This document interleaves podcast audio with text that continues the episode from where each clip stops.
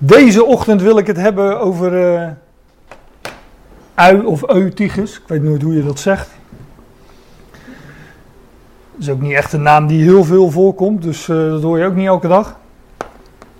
Maar we zitten hier uh, op een hoge plaats. En ook Eutychus zat op of in een hoge plaats. Dus ik dacht, nou, laten we het eens over zo'n geschiedenis gaan hebben waar een hoge plaats een rol speelt. Eutychus zat niet op de dertigste.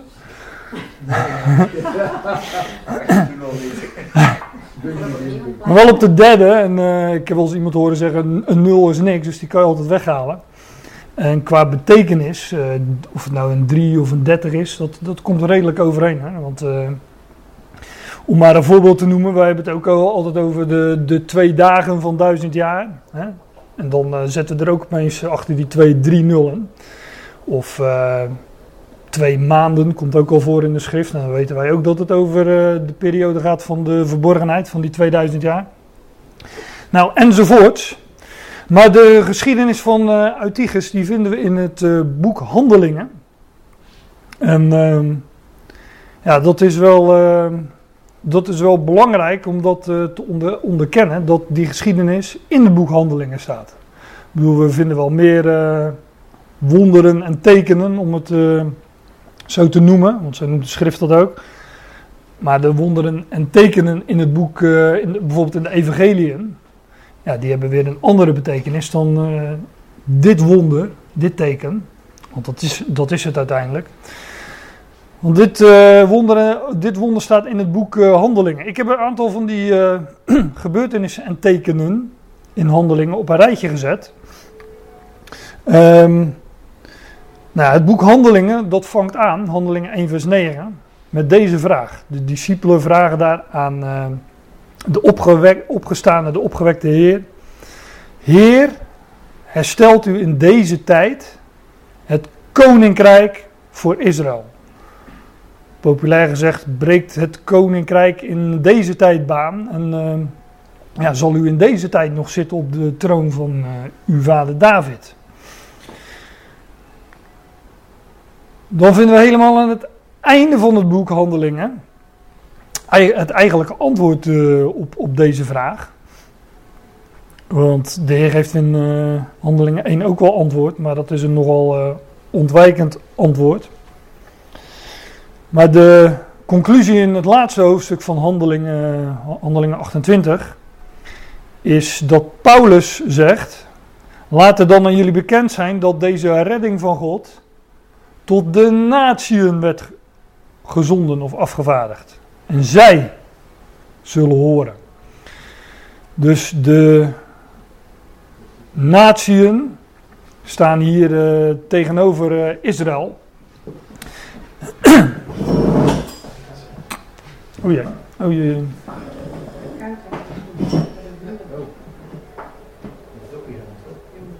Zitten we allemaal goed? Ja. Dacht Uittiges ook, maar uh, daar komen we nog op. maar tussen 1 vers 9 en 28 vers 28 zeg maar, vinden we allemaal uh, geschiedenissen, gebeurtenissen die dus ook illustratief zijn voor deze verandering in het boek Handelingen. Want het antwoord uh, op de vraag in 1 vers 9 is, is uiteindelijk nee, niet in deze tijd. Want redding gaat in eerste instantie naar de natieën. En dat, uh, dat is natuurlijk iets wat Paulus in zijn brieven uiteenzet. Uh, de Heer uh, is hier in ehm, hoofdstuk 1 nog present, maar aan het einde van hoofdstuk 1 al niet meer. Hè. Dan vaart hij vanaf de olijfberg naar de hemel en een wolk onttrekt hem aan het zicht. En dan staat er ook dat hij op dezelfde wijze zal wederkeren dan dat ja, dat de twaalf hem zien heen gaan. En uh, dat, uh, dat duurt niet lang meer voordat dat uh, gaat gebeuren. Maar wat gebeurt er nu in, de, in het boek Handelingen in de tussentijd? Ik heb een paar voorbeelden, maar die lijst zou veel uitgebreider kunnen zijn. Maar ik had natuurlijk niet meer ruimte tussen de. tussen, ja, op mijn dia, zeg maar. Maar in Handelingen 2, de, de uitstorting van de geest aan uh, Petrus en de twaalf. En Nou, alles is daar gericht op, op de twaalf en op Israël. Lees de toespraak maar van Petrus.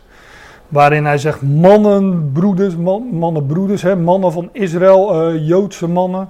Zo worden zij aangesproken. In Handelingen 3, dat is ook een wonder of teken. Nou, een wonder en een teken. De genezing van de verlamde man bij de schone poort. En die man wordt ge, ja, dat ge, gebeurt door Petrus en Johannes. Hè, dus ook als representanten van de twaalf. En die poort is een uitbeelding van het koninkrijk, de schone poort. En die verlamde man was degene die daar, uh, ja, die daar niet naar binnen kon wandelen. Als beeld van het volk Israël, dat uh, niet zou ingaan in het koninkrijk en uiteindelijk wel zal worden genezen. Maar dat is pas toekomst. En in het begin van handelingen um, is eigenlijk nog de, ja eigenlijk, dat hoef ik helemaal niet bij te zeggen, is de situatie nog actueel dat als Israël zich zou bekeren, dan zou de Messias van de hemel terugkeren en, zo, en dan zou die inderdaad het koninkrijk voor Israël herstellen. En Petrus houdt een toespraak naar aanleiding van deze genezing van de verlamde man bij de Schone Poort, waarin hij dit ook gewoon zegt. Hij zegt, als jullie je bezinnen en bekeren, dan zal God zijn Messias terugzenden en dan zal hij alles herstellen. Weer dat, dat, datzelfde woord als in 1 vers 9. Dan zal hij alles herstellen waarvan de profeten gesproken hebben. Nou, dan uh, maak een sprongetje naar Handelingen 7, de steniging van Stefanus. En daar wordt Saulus geïntroduceerd. In Handelingen 9 de roeping van Saulus. In Handelingen 13 de Jood Elimas die voor een tijd verblind wordt door Paulus. Dus de Jood wordt verblind en Paulus komt daarmee op de voorgrond, want Handelingen 13 is ook de geschiedenis waarin één keer de ommekeer plaatsvindt van de naam Saulus naar Paulus. Vanaf dat moment is hij consequent heel boekhandelingen door Paulus en niet meer Saulus. En uh, ik weet niet of jullie dat goed kunnen zien. Maar uh, ik ben dus met lichtblauw begonnen. Hè? Met uh, Petrus en de twaalf, Petrus en Johannes. De introductie van Saulus, Saulus en dan Paulus. En ik heb het steeds donkerder gemaakt. Ik denk, ik zeg als, als ook illustratie van dat de twaalf en uh, Israël naar de achtergrond verdwijnen in het boek Handelingen. En Paulus en de natie steeds meer op de voorgrond komen. Dat is echt een proces in handelingen. Dat heb ik hierin geprobeerd uit te beelden. Ik denk, ik zeg het er maar bij, anders heb ik het voor niks gedaan. Als jullie het niet zien. Dat is het zwart ja. Nou, je weet nooit hoe zo'n scherm de kleuren weergeeft. Maar dit is een, uh, zal een, duur scherm geweest zijn. Uh. Ja, dan hebben we in handelingen 20 de dodelijke val van Eutychus tijdens Paulus toespraak. Daar gaan we het dus over hebben. Maar ja, dat, die geschiedenis past dus helemaal in het plaatje. Tenminste, dat zou je moeten verwachten. Nou, dan heb ik nog een uh, handeling 21, een oproer in Jeruzalem, dat Paulus een heiden in de tempel gebracht zou hebben. Wat niet waar was, letterlijk. Hoe heette die? Trofimus, geloof ik. Ja, Trofimus. Maar wat letterlijk niet waar was, maar wat in beeld natuurlijk wel zo is. Want Paulus legt in Efeze 2 uit dat God de twee één gemaakt heeft. En uh, waar ook de Ecclesia, de gemeente, een tempel wordt genoemd. Waarin Jood en Heiden één zijn gemaakt. En waar de middenmuur die scheiding bracht, is weggebroken. In de tempel was een middenmuur die scheiding bracht. In het ene deel mochten alleen Joden komen en in het voorste deel mocht, mochten, alle, mochten de natieën ook komen. Maar die mochten die middenmuur niet passeren op straffen des doods. En Paulus legt in Efeze 2 uit dat Christus die middenmuur heeft weggebroken. En dat Jood en Heiden nu in deze tempel, namelijk de Ecclesia, de gemeente, één zijn. Dus in beeld had hij het wel degelijk uh, gedaan, Paulus.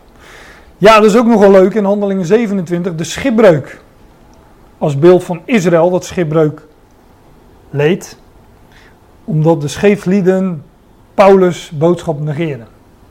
Nou ja, dat is wat cryptisch, maar lees, uh, lees het maar na. Dus als jullie deze geschiedenissen allemaal eens na moeten lezen, dan, uh, nou, dan hebben jullie wat te doen vanmiddag. Of de rest van de week wellicht. Ja, dat is dus wat er plaatsvindt tussen uh, deze twee die ik eerder noemde. En dan gaan we naar Handelingen 20, de geschiedenis van uh. Dit was ter inleiding. En wij varen uit van Filippi. Ik, ik, ja, ik moest ergens aan inhaken, dus dat heb ik gedaan in vers 6. Wij varen uit van Filippi.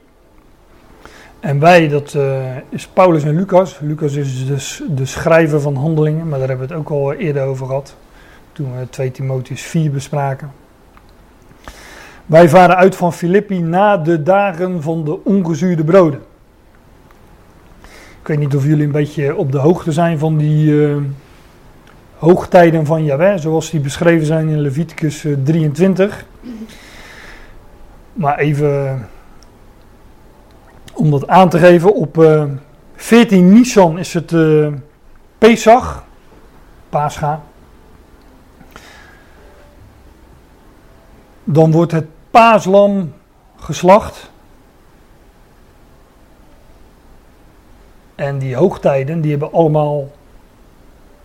Die hoogtijden zijn in Leviticus 23 gegeven, maar die hebben allemaal een toekomstige vervulling, waarvan een aantal al vervuld zijn in de eerste komst van, uh, van Christus. En op 14 Nisan werd de Heer gekruisigd. En stierf hij als het, werd hij ook geslacht als het, uh, als het ware paaslam.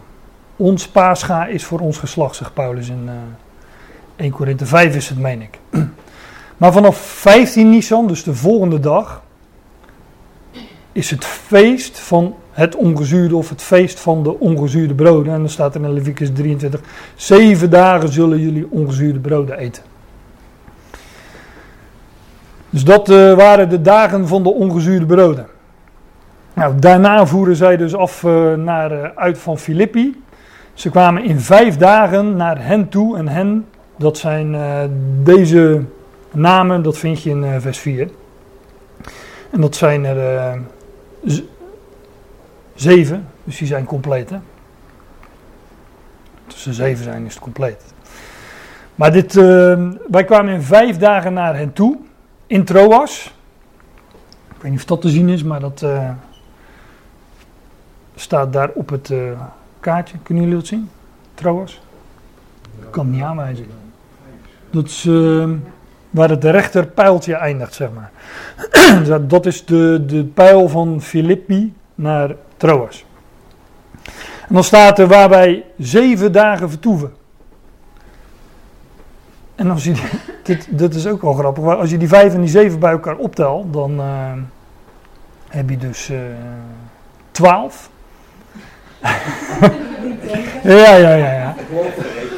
Ik moest even over nadenken. Maar, maar dat, uh, deze geschiedenis, die zegt ook iets over de twaalf. Maar dan de twaalf stammen. De twaalf, deze geschiedenis spreekt ook op een verborgen wijze van Israël. De geschiedenis die nu gaat komen.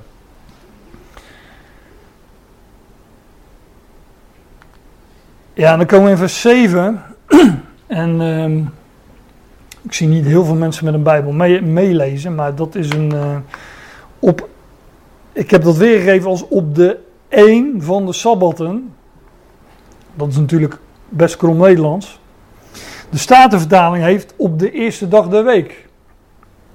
En dan staat dag nog schuin gedrukt hè, op de eerste der week. Maar er, er staat echt een uh, sabbatten staat er en het is een meervoud. En dat is een beetje een. Uh, hm? Sabbat is tot de zevende dag. Hè? Wat zei ik dan? Wat zei ik dan? Nou, de eerste dag staat in de, in de Statenvertaling.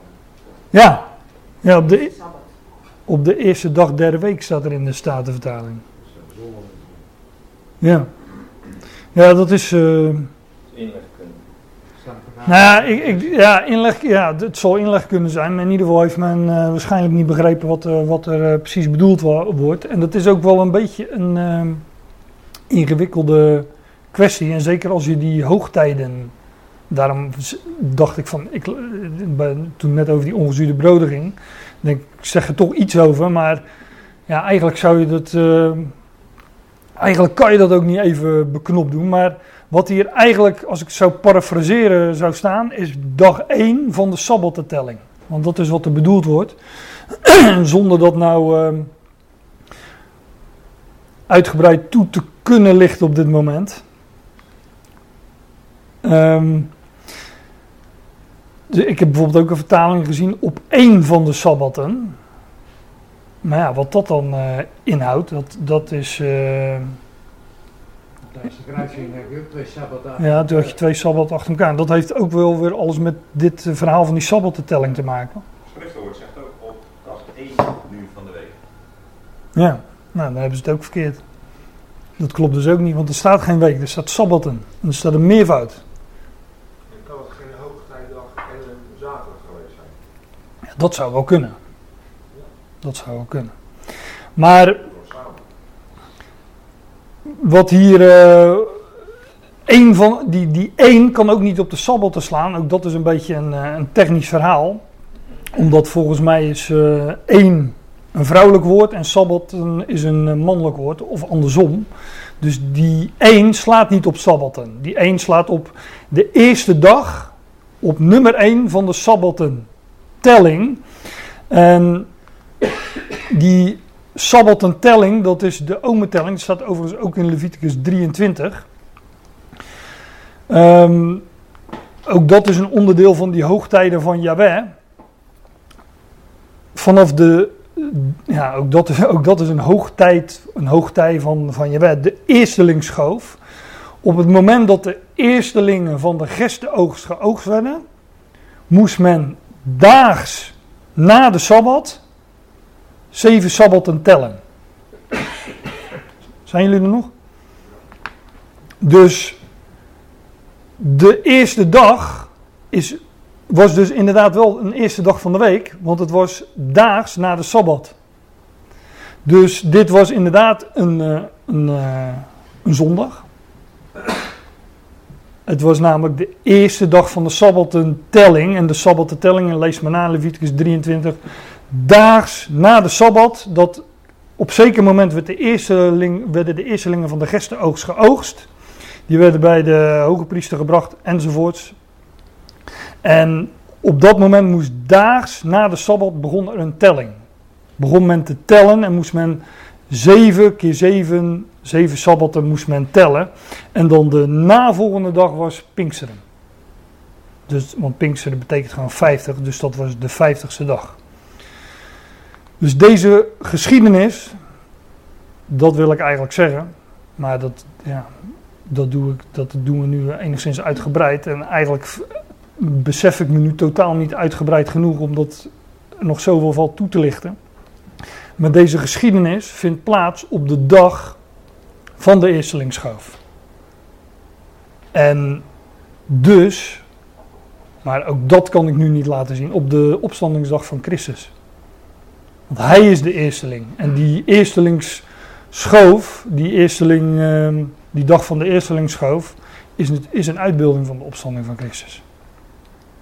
Nou, als je niet kan volgen, vergeet het even. Ehm, ik, zou, ik, ik, wil, ik wou zeggen, misschien moeten we die, eh, die hoogtijden eens bespreken. Maar dat is al een heel uitgebreid verhaal. Dus dat, eh, dat gaat dan toch een paar, eh, paar zondagen, een paar studies verder. Nou, we gaan nu verder. Op, op de eerste dag van de Sabbat en telling zijn wij verzameld om brood te breken. En ehm, ik, broodbreken is in de schrift maaltijd houden met elkaar. Dus dit is een uitbeelding van gemeenschap. Als je met, met elkaar het brood breekt, dan, ehm, ja, dat zegt Paulus zelfs ook in de, in de eerste Korinthebrief. Wij zijn allen aan één brood deelachtig en hij spreekt daar van het lichaam van Christus. Dus ook het met elkaar eten, het met elkaar brood breken is een, eh, is een uitbeelding van de gemeenschap die er is in Christus. dan staat er, en Paulus argumenteerde met hem. En, eh, ik weet niet hoe het er staat in de vertalingen. In de Statenvertaling staan handelde met hen. Handelde Paulus met hen. Daar hebben wij weer andere ideeën bij, uh, bij natuurlijk. Maar argumenteren, dat zie je in de interlineair. Het is, uh, dat woord is opgebouwd uit het woord dia en uh, een woord dat afgeleid van logos. En dia is door of doorheen. Dus ja, het heeft met het woord te maken, met argumenten doorgeven. Paulus argumenteerde met hen. En deze geschiedenis die we hier vinden, die spreekt dus over de tijd dat Paulus spreekt. Paulus is degene die hier aan het woord is. En omdat hij op het punt staat de volgende morgen weg te gaan, verlengde hij het woord tot aan middernacht. Ja, daar hoefde hij inmiddels geen parkeergeld te betalen natuurlijk. Dus uh, Paulus die uh, kon de tijd nemen. Maar hij was voornemens om, uh, om de volgende morgen weg te gaan. Dus Paulus greep zijn kans, zeg maar. Hij had nog zoveel te vertellen. Dus hij strekte het woord uit tot, tot, tot aan middernacht. Maar het is natuurlijk ook niet voor niks dat hier gesproken wordt over de nacht. Want wij leven in een wereld die in duisternis is. Die, deze wereld waarin wij leven wordt ook de nacht genoemd. Lees het maar eens na in Romeinen 13, waar Paulus dat, uh, dat zegt. Maar ook de, de wereldbeheersers, de God van deze Aion en zijn, uh, zijn trawanten, zijn, uh, zijn helpers, die worden genoemd de machten van deze duisternis. en duisternis en nacht, het is natuurlijk ehm, ook een illustratie van onwetendheid, van het niet zien van de waarheid. Het tegenovergestelde is dan ook wandelen in het licht. En dat, zijn ook, ja, dat komen ook nog wel eens tegen in de brieven van Paulus. Hè? Of in de liedjes. Ik wandel in het licht met Jezus. Nou ja, dat zo, zijn het, zo zijn natuurlijk heel wat te noemen. En de komst van de Heer, bij de komst van de Heer, dan breekt de dag aan. De dag des Heren, de dag van Christus. Maar die zal voor velen dus ook komen als een dief in de nacht. Dus dat is, het is ook typologie natuurlijk, dat dat hier wordt genoemd. Paulus sprak ja, tot aan middernacht. Hij verlengde zijn woord tot aan middernacht. Nou, dat, uh, je zou zeggen dat dat is geen, uh, geen hoopvolle boodschap dat we in de nacht leven en dat we in duisternis leven waar, waar het donker is.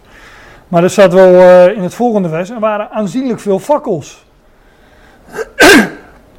dus uh, in die plaats waar zij verzameld waren, rondom Paulus, rondom het woord van Paulus, waar Paulus sprak, daar was wel degelijk veel licht aanwezig. Dus in die donkere wereld, in de duisternis, middernacht, is daar een plaats waar licht is, waar veel fakkels zijn.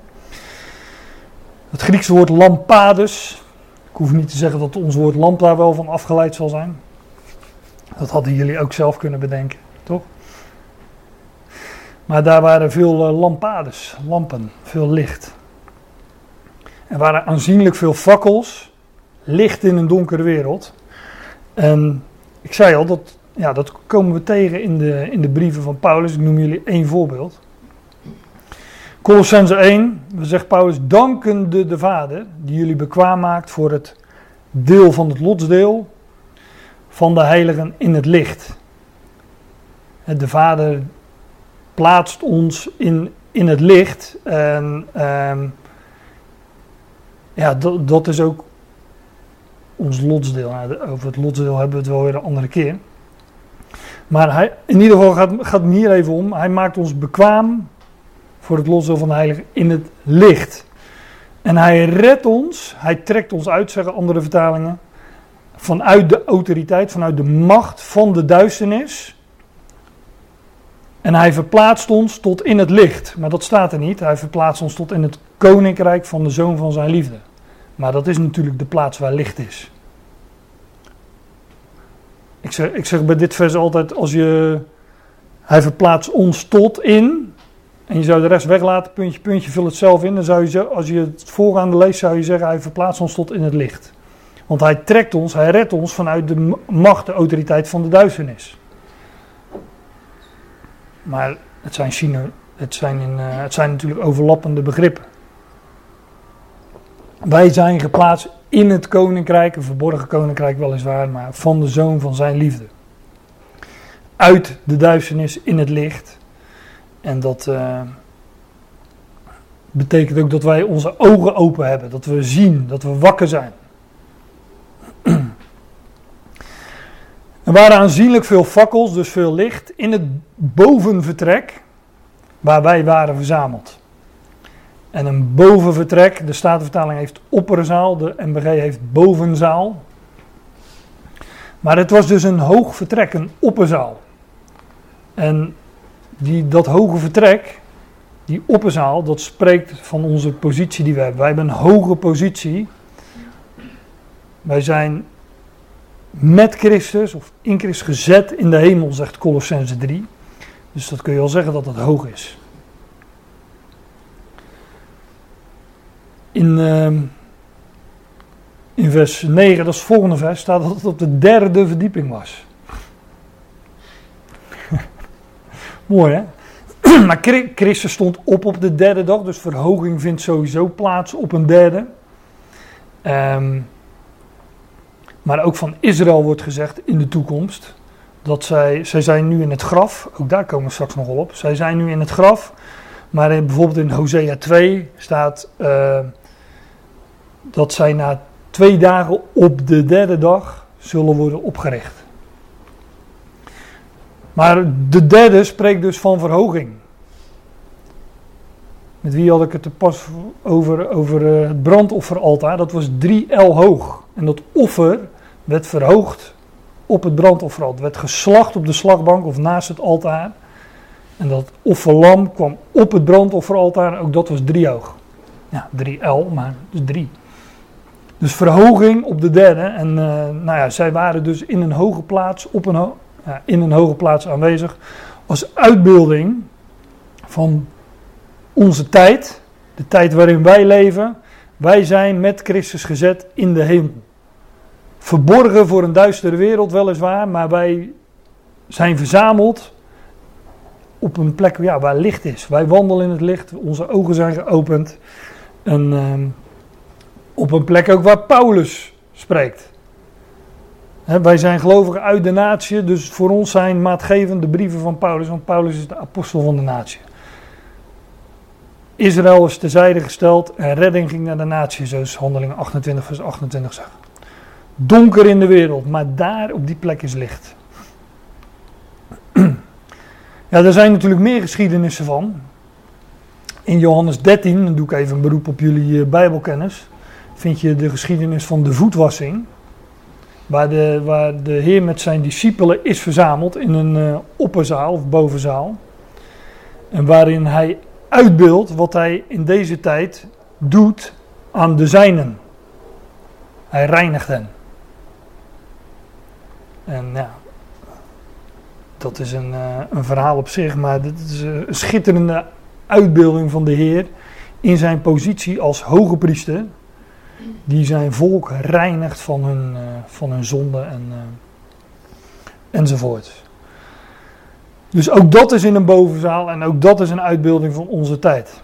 Licht, reiniging enzovoort.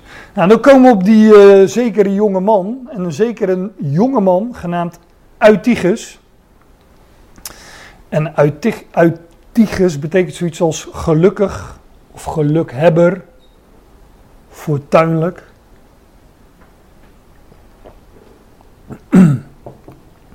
Hij had geluk. Hij had een fortuin. Hij is een beeld van Israël, het uitverkoren volk van God, aan wie het woord van God was toevertrouwd. Dat is een fortuin. En daarin is geluk. Paulus zegt dat in, eh, in Romeinen 3. Ik neem aan bekende versen, maar ik heb ze toch maar even afgedrukt. Wat is dan het voorrecht van de Jood?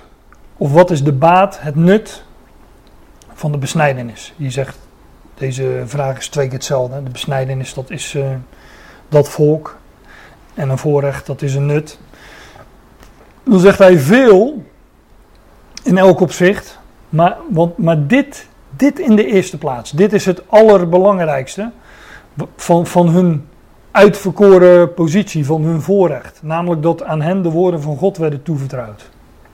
Want Gods woord, dat is licht. Dat is, uh, dat is leven. Daarin is, uh, daarin is leven, daarin is licht, daarin is alles.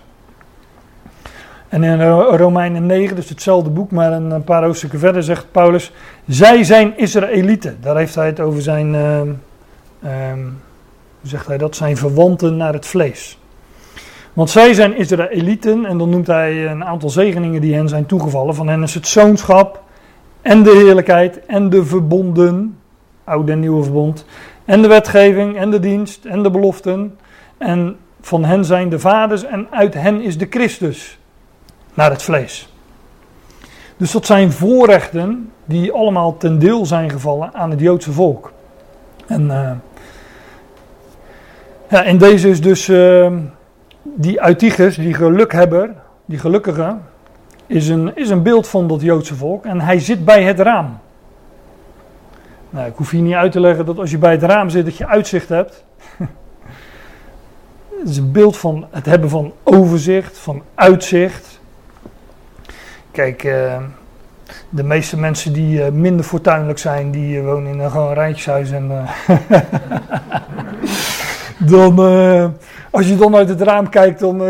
ik, ik kon bij mijn keukenraam, dat, weet, dat weten jullie, want dat hebben jullie ook al eens gezien. Kon ik drie meter ver kijken tot het volgende huis.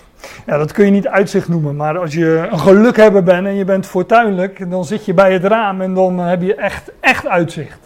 Overzicht. Maar in, in de schrift heb je nogal wat ramen en vensters. Neem bijvoorbeeld het, het raam van de ark van, van, van Noach. En dat, was, uh, dat, was, dat was nog eens een venster wat hoog zat, hè, met uitzicht op de hemel. Nou, dat, wij zitten hier ook bijna in de wolken. Dus je hebt uitzicht op, op de hemel, maar ook op het aardse gewemel. Dat wordt allemaal ook wat kleiner als je uitzicht hebt. Nou, daar is dat, die Uitigus een beeld van. Die zat daar in het raam. Dus aan, aan, aan Israël waren de woorden van God toebetrouwd. En zij hadden daarmee uitzicht, overzicht en inzicht. Was de bedoeling. Maar Uitigus werd door een diepe slaap overmand. Dus hij viel gewoon in slaap.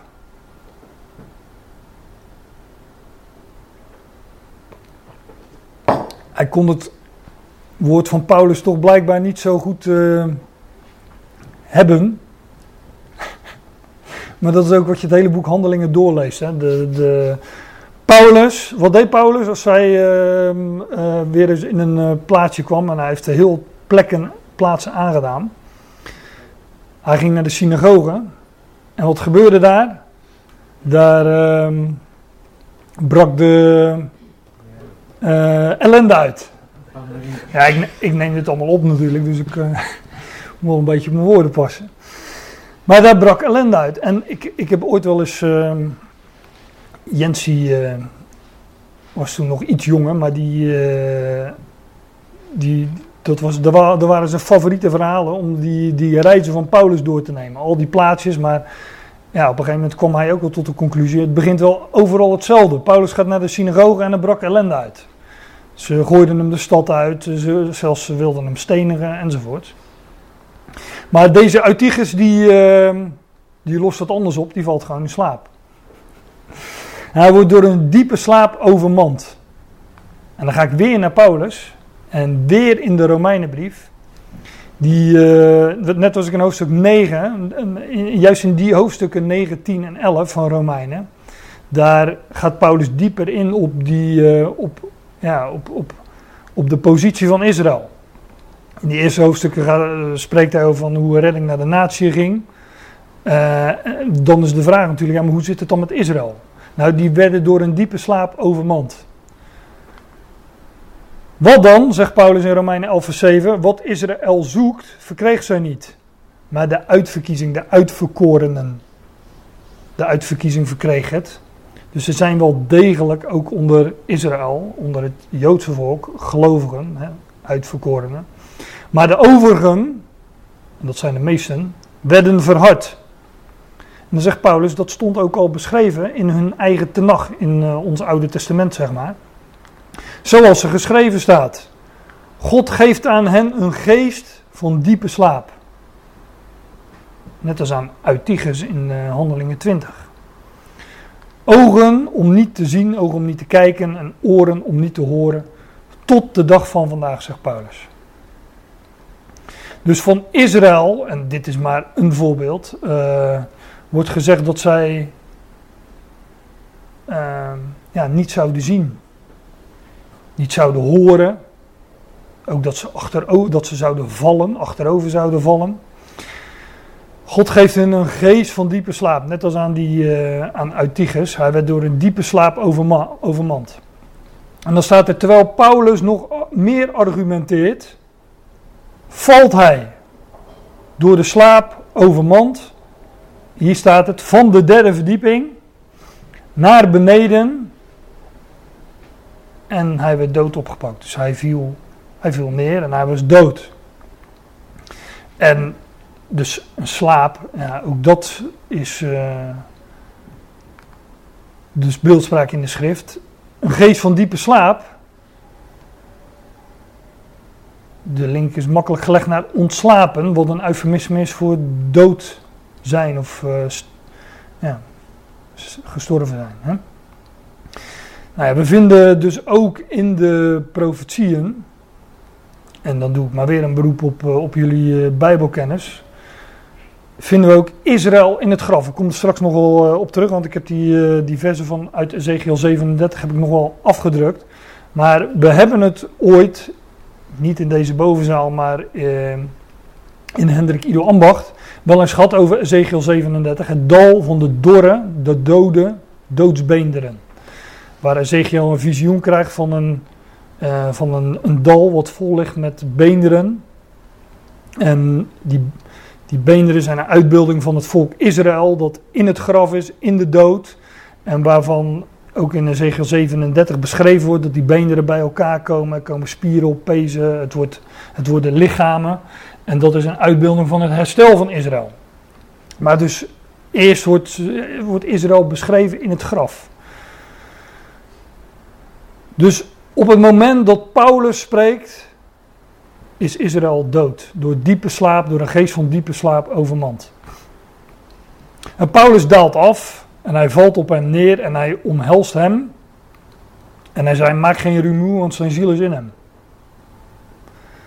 Paulus, dat lezen we ook in uh, Romeinen 9, had een grote liefde voor zijn broeders. Ik denk dat uh, dat, dat hierin wordt uitgebeeld. Hè, dat het omhelzen, het op hem neervallen.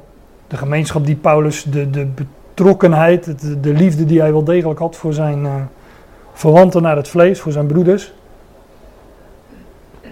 Paulus daalt af, hij valt op hem neer, hij omhelst hem en hij zei: Maak geen rumoer, want zijn ziel is in hem.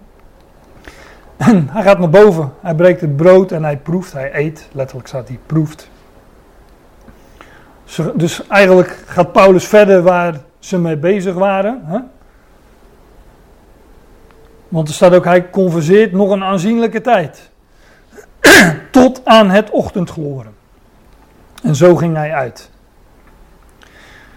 Dus die geschiedenis hier van Paulus, die spreekt in de bovenzaal, in de opperzaal, die argumenteert, die wordt onderbroken door de val van Uitiges. Door Uitiges die door een diepe slaap wordt overmand. En op het moment dat Paulus begint te spreken, is Uitigus daar nog even, maar hij valt in slaap, hij valt dood. En Paulus gaat verder waar hij gebleven is. En op het moment dat Paulus zijn, uh, zijn, zijn Bijbelstudie, om het zo te zeggen, uh, ja, verder, uh, verder gaat, is op het moment dat Paulus verder spreekt, is Uitigus dood. Als beeld van Israël dat in onze tijd, dat terzijde is gesteld, dat in het graf is, dat dood is, dat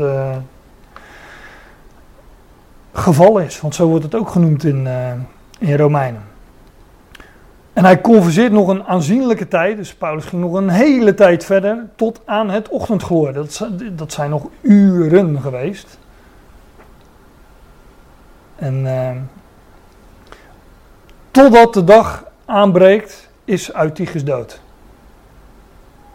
Hij blijft daar gewoon liggen. Paulus zegt, het komt wel goed met hem, want dat is ook de boodschap die Paulus, eh, uit, die we kennen van Paulus. Israël zal hersteld worden. Hoef je tegenwoordig ook niet mee aan te komen in, eh, in het christendom, eh, in het algemeen, in de kerk. Want daar is de leer van, eh, God heeft Paulus, God, God heeft Israël terzijde gesteld. En de kerk is in de plaats van Israël gekomen en met Israël komt het nooit meer goed. Dat is de gangbare boodschap in, in het christendom, in de kerk. Maar Paulus zegt wel degelijk dat het goed gaat komen met Israël. Alleen dat is pas als de dag aanbreekt. De derde dag namelijk. Na twee dagen op de derde dag, Hosea 6, zal hij ons oprichten, wordt daar gezegd. Tot de dag aanbreekt voor Eutychus, is Paulus' woord maatgevend. Hij converseert nog een aanzienlijke tijd tot aan het ochtendgloren en zo ging hij uit. Zou dat een beeld zijn van de wegrukking, dat hij uitging? Paulus is weer weg. En wat gebeurt er dan? Zij leidden de jongen levend weg. En ze werden mateloos bemoedigd. Ze werden be- bemoedigd, staat er niet met mate. Geniet met mate is de reclame toch? Hè? Nou, zij werden bemoedigd niet met mate. Zij leidden de jongen levend weg en zij werden mateloos bemoedigd. En dat is natuurlijk een beeld van het herstel van Israël. Wanneer Paulus, als uitbeelding van de gelovigen uit de natie, maar wanneer, wanneer hij vertrokken is van het toneel, en dat is ook dubbelzinnig dat ik dat zeg, dan zal Israël levend weggeleid worden. En dat zal ook een mateloze bemoediging zijn, want ik ga nu naar, eh, nog, nog, eerst nog even naar Ezekiel en dan weer naar de Romeinenbrief. Ja, en daar, wordt, eh, zet Paulus dat uiteen, de, wat het herstel eh, van Israël zal betekenen. Maar eerst nog even naar Ezekiel. Daarom profeteer.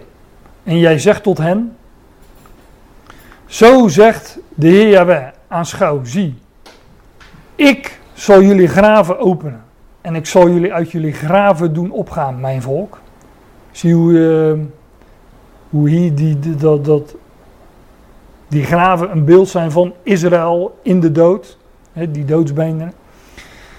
Maar hier wordt het uitgelegd, wa- wat de betekenis is van dat, eh, van dat visioen. Ik zal jullie naar de grond van Israël brengen, naar het land van Israël. En jullie zullen weten dat ik Jahweh ben, nogmaals, wanneer ik jullie graven open. En wanneer ik jullie uit jullie graven doe opgaan, mijn volk.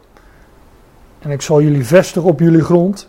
En jullie zullen weten dat ik Jahweh het gesproken en gedaan heb, zegt Jahweh, zegt de Heer, met nadruk. Nou ja, dat Ezekiel 37 is een heel lang hoofdstuk, dus ik heb er maar een aantal versen uitgehaald, maar lees dat ook nog maar eens door. Paulus nog eh, ter afsluiting in, eh, in Romeinen. Ik zeg dan, struikelen zij soms opdat zij zouden vallen? Volstrekt niet, mogen het niet gebeuren. Ook hier heeft Paulus het over het Joodse volk, hè, over, over Israël. Zijn zij gestruikeld zodat zij vallen zouden, zodat ze ja, struikelen ten opzichte van vallen? En vallen in de zin van nooit meer opstaan. Nee, zegt Paulus, mogen het niet gebeuren. In hun misstap is de redding voor de natieën. Wat eh, in handelingen 28 wordt, eh, wordt gezegd. Redding is naar de natie gezonden. Om hen jaloers te maken. Nou, dat, dat gaf ik net al aan. Dat, dat is ook gebeurd. Want waar Paulus ook eh, verscheen met zijn boodschap. Daar, eh, daar ontstond ja- jaloers. Ja, wij vatten jaloersheid vaak, nou ja, wellicht als positief op. Maar als ik een ander woord voor jaloezie, jaloezie nijd, gebruik, dan uh, dat heeft een wat andere klank, hè? Nijd, nijdig. Maar in hun misstap is de redding voor de natie om hen jaloers te maken. Dus door hun misstap ging er redding naar de natie. En dat is de tijd waarin wij leven. Indien hun misstap de rijkdom van de wereld is. En hun vermindering, dat wat zij tekort komen. Dat wat, ja, hun vermindering, de rijkdom van de natie. Hoeveel te meer hun compleetmaking of hun volheid. Dus Paulus zegt ze zijn misgestapt. En daardoor ging een redding naar de natie. Daarom ging, dat is de rijkdom van voor de wereld. En rijkdom voor de natie. Hij zegt, nou wat denk je dan wat er gaat gebeuren als ze weer tot volheid zullen komen? Als ze, tot, als ze compleet worden gemaakt? Als zij wel weer door God aangenomen worden? Als ze wakker worden gemaakt, om de, beeldspraak van Eutychus te gebruiken? Als ze uit die diepe slaap worden opgewekt? Ik zeg tegen jullie, de natieën, in zoverre ik dan inderdaad de apostel, de afgevaardigde van de natie ben, verheerlijk ik mijn bediening. Of ik op de een of andere manier degene van mijn vlees jaloers zou kunnen maken en enige uit hen zou kunnen redden. Hier zegt Paulus in een paar zinnen wat voor hem de kers op de taart was, hè, voor zijn bediening als apostel van de natie. Hij was gezonden tot alle natieën. Maar hij zegt, ik verheerlijk mijn bediening of ik ook enige uit hen zou kunnen redden. Dus Paulus was, Paulus was want dit schrijft hij al aan het begin van zijn, uh, van zijn apostelschap. Hij, Paulus, heeft al, Paulus heeft geweten dat het Israël als volk niet tot bekering zou komen.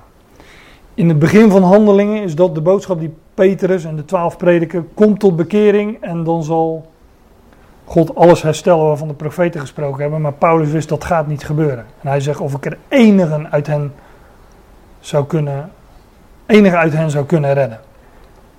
Want, zegt hij, de, hier gaat het me even om, om, eh, uh, wat Paulus hier zegt. Indien hun verwerping de verzoening van de wereld is, dus hun misstap was rijkdom voor de natie, rijkdom voor de wereld en hun verwerping of, of het nou gaat om dat zij God verworpen hebben of dat God hen terzijde heeft gesteld. Dat is de verzoening van de wereld. En dat is ook de boodschap die Paulus bekend mocht maken in deze tussentijd. Dat Eutychus door diepe slaap is overmand. Dat Israël in het graf is. Dat Israël een geest van diepe slaap heeft ontvangen. Hun verwerping is de verzoening van de wereld. Dat is de boodschap van Paulus. Maar wat zal dan, zegt Paulus, de aanneming, hè, wanneer zij hun, hun, hun God, Yahweh, aan zullen nemen. En ook andersom, wanneer Yahweh hen zal aannemen. Wat zal de aanneming anders zijn dan leven uit de doden? En dat is natuurlijk een uitbeelding van Eutychus, die, uh, ja, die, zei, die, die weliswaar door een diepe slaap overmand werd. Hij viel uit het venster, hij viel dood neer. Maar Paulus zei: Het gaat goed komen met hem. En dat zegt Paulus hier ook. En hij zegt, ja, wat zal hun aanneming anders zijn dan leven uit de doden? Nou, daar, wil, daar wilde ik het maar bij uh, laten voor uh, vanmorgen. En, uh, dus dat, ja, dat lijkt me het slot, dat lijkt me ook een mooi slot. Wat zal hun aanneming anders zijn dan leven uit de doden? En wij leven aan het einde van die periode van verborgenheid, van de diepe slaap van Eutychus. En uh, ook dit is een dag die, uh, die snel gaat naderen. Dus daar kijken we naar uit in deze duistere wereld.